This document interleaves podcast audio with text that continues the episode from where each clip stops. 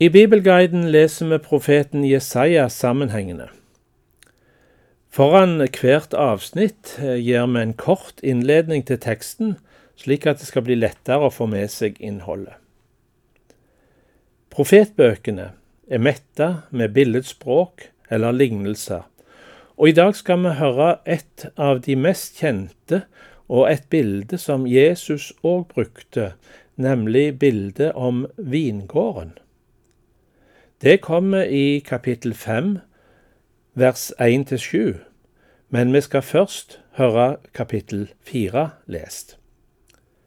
I kapittel 4 så beskrives den kommende herlighet som den lille trofaste spire, eller den lille rest av troende, skal få oppleve.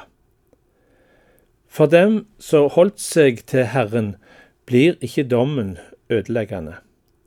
De kan se fram til det som kommer etter dommen. Dette korte kapittelet avslutter med å forsikre Herrens nærvær blant sitt folk, synlig til stede i ei røyksky og i ildstøtte om natten. Her tar profeten fram fortellingen om israelsfolkets utgang fra Egypt, og anvender den for å få fram Guds budskap til si tid. Vi hører kapittel fire, versene to til 6. Det første verset i kapittel 4 leste vi i sist program, da det hørte med til avslutningen av forrige kapittel, altså nå fra vers 2 til vers 6. Den dagen skal Herrens spire bli til herlighet og ære, og landets frukt til stolthet og heder, for dem i Israel som slapp unna. Resten som er på Sion, og som er igjen i Jerusalem, skal kalles hellig. Hver og en i Jerusalem som er skrevet opp til livet. Herren skal vaske skitten av Sions døtre og skylle bort alt blodet fra Jerusalem, med ånden som dømmer, med ånden som renser. Så skal Herren skape en røyksky om dagen og røyk og lys fra en flammende ild om natten over hele Sionfjellet og over møtestedene der. For over all herlighet skal det være et vern, en løvhytte som skygger for heten om dagen og gir ly og skjul mot uvær og regn. Så etter disse Guds løfter om ei strålende framtid for Guds folk, så vender profeten seg igjen til si samtid, og vi får høre at folk og land blir framstilt som en vingård. Det er Gud som er vingårdens eier, og gir den det beste stell, men den gir ikke god frukt. Folket forlater Guds gode vei. Derfor skal vingården legges åpen for ødeleggelse. Guds dom kommer i og med at han overgir folket til ødeleggende krefter. Vi hører sangen om Guds vingård fra profeten Jesaja, kapittel 5, vers 1-7. Jeg vil synge om min kjære venn, en sang om min venn og vingården hans. En vingård hadde min kjære venn med den feteste jord han hakket den opp og plukket ut stein og plantet den fineste vin og bygde et vakttårn i midten. Også en vinpresse hugg han ut. Han ventet seg gode druer, men druene han fikk, var beske. Og nå, dere som bor i Jerusalem, og dere mennesker i Juda, døm mellom meg og vingården min.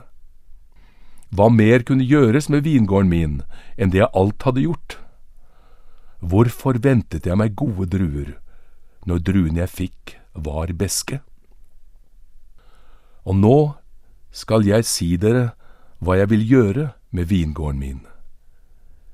Jeg tar bort gjerdet, så den blir til beitemark. Jeg river ned muren, så den kan tråkkes ned. Jeg skal gjøre den til ødemark den skal ikke beskjæres og lukes mer, men torn og tistel skal gro, og jeg skal nekte skyene og la regnet falle på den. For vingården til Herren over hærskarene, det er Israels hus, og menneskene i Juda er hans kjæreste hage.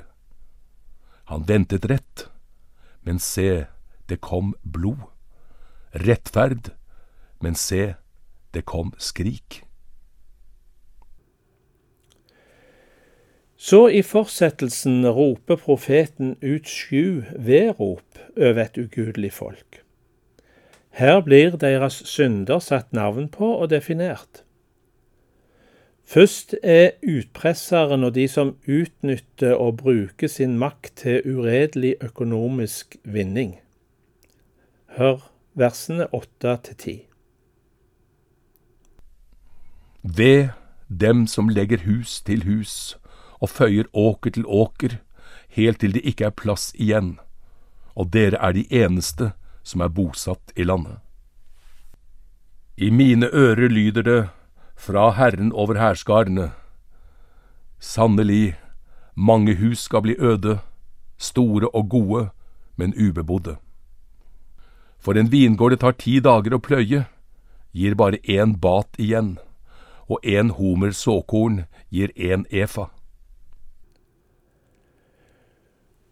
Så kommer beskrivelsen av de som lever for å tilfredsstille sine lyster i festing, sus og dus. De skal få oppleve sult og tørst og bli ført i asyl.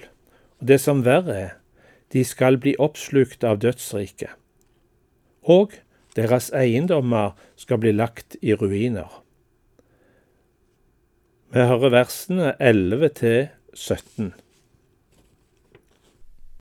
ved dem som jager etter sterk drikk fra tidlig morgen av, som sitter til sent på kveld og blir hete av vin. De har lyre, harpe, håndtromme, fløyte og vin på festene sine, men Herrens gjerning merker de ikke. De ser ikke hva Hans hender har gjort. Derfor skal folket mitt dra i eksil før de vet av det. De fremste skal sulte i hjel, og folkemassen får gå av tørst. Derfor åpner dødsriket svelget og sperrer opp munnen på vidt gap, og ned far både de fornemme og massen med sin larm og sin jubel.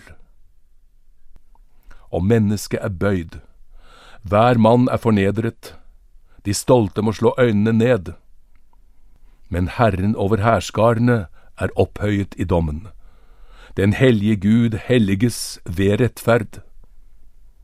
Lam skal beite som i en utmark, og rikfolks ruiner skal geiter ete. Den siste gruppen som profeten definerer, er de som håner og spotter Israels hellige. De lager sine egne moralske lover, og de sier at det Lyset er mørkt, og det mørke er lyst. De opphøyer sin visdom og forstand. De ruser seg og tar imot bestikkelser. Dommen kommer over de. Vi hører de fire siste vedrop. De har forkastet loven til Herren over herskarene og foraktet ordet fra Israels hellige. Ved dem som drar skylden etter seg med tau av løgn, og sleper på synd som med vognrep og sier, Nå må han skynde seg å få gjort det han skal, så vi får se det. Nå må planen til Israels hellige snart gå i oppfyllelse, så vi kan kjenne det. Ved dem som kaller det onde godt og det gode ondt, de som gjør mørke til lys og lys til mørke, bittert til søtt og søtt til bittert. Ved dem som er vise i egne øyne og kloke i egne tanker. Ved dem som er helter til å drikke vin og djerve karer til å blande sterk drikk, som frikjenner den skyldige mot bestikkelse, men tar retten fra den rettferdige. Hvordan vil så Herrens vrede vise seg over dette folket som vender seg bort fra Gud?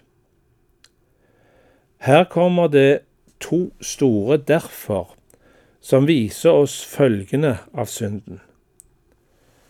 Guds vrede kommer som ild.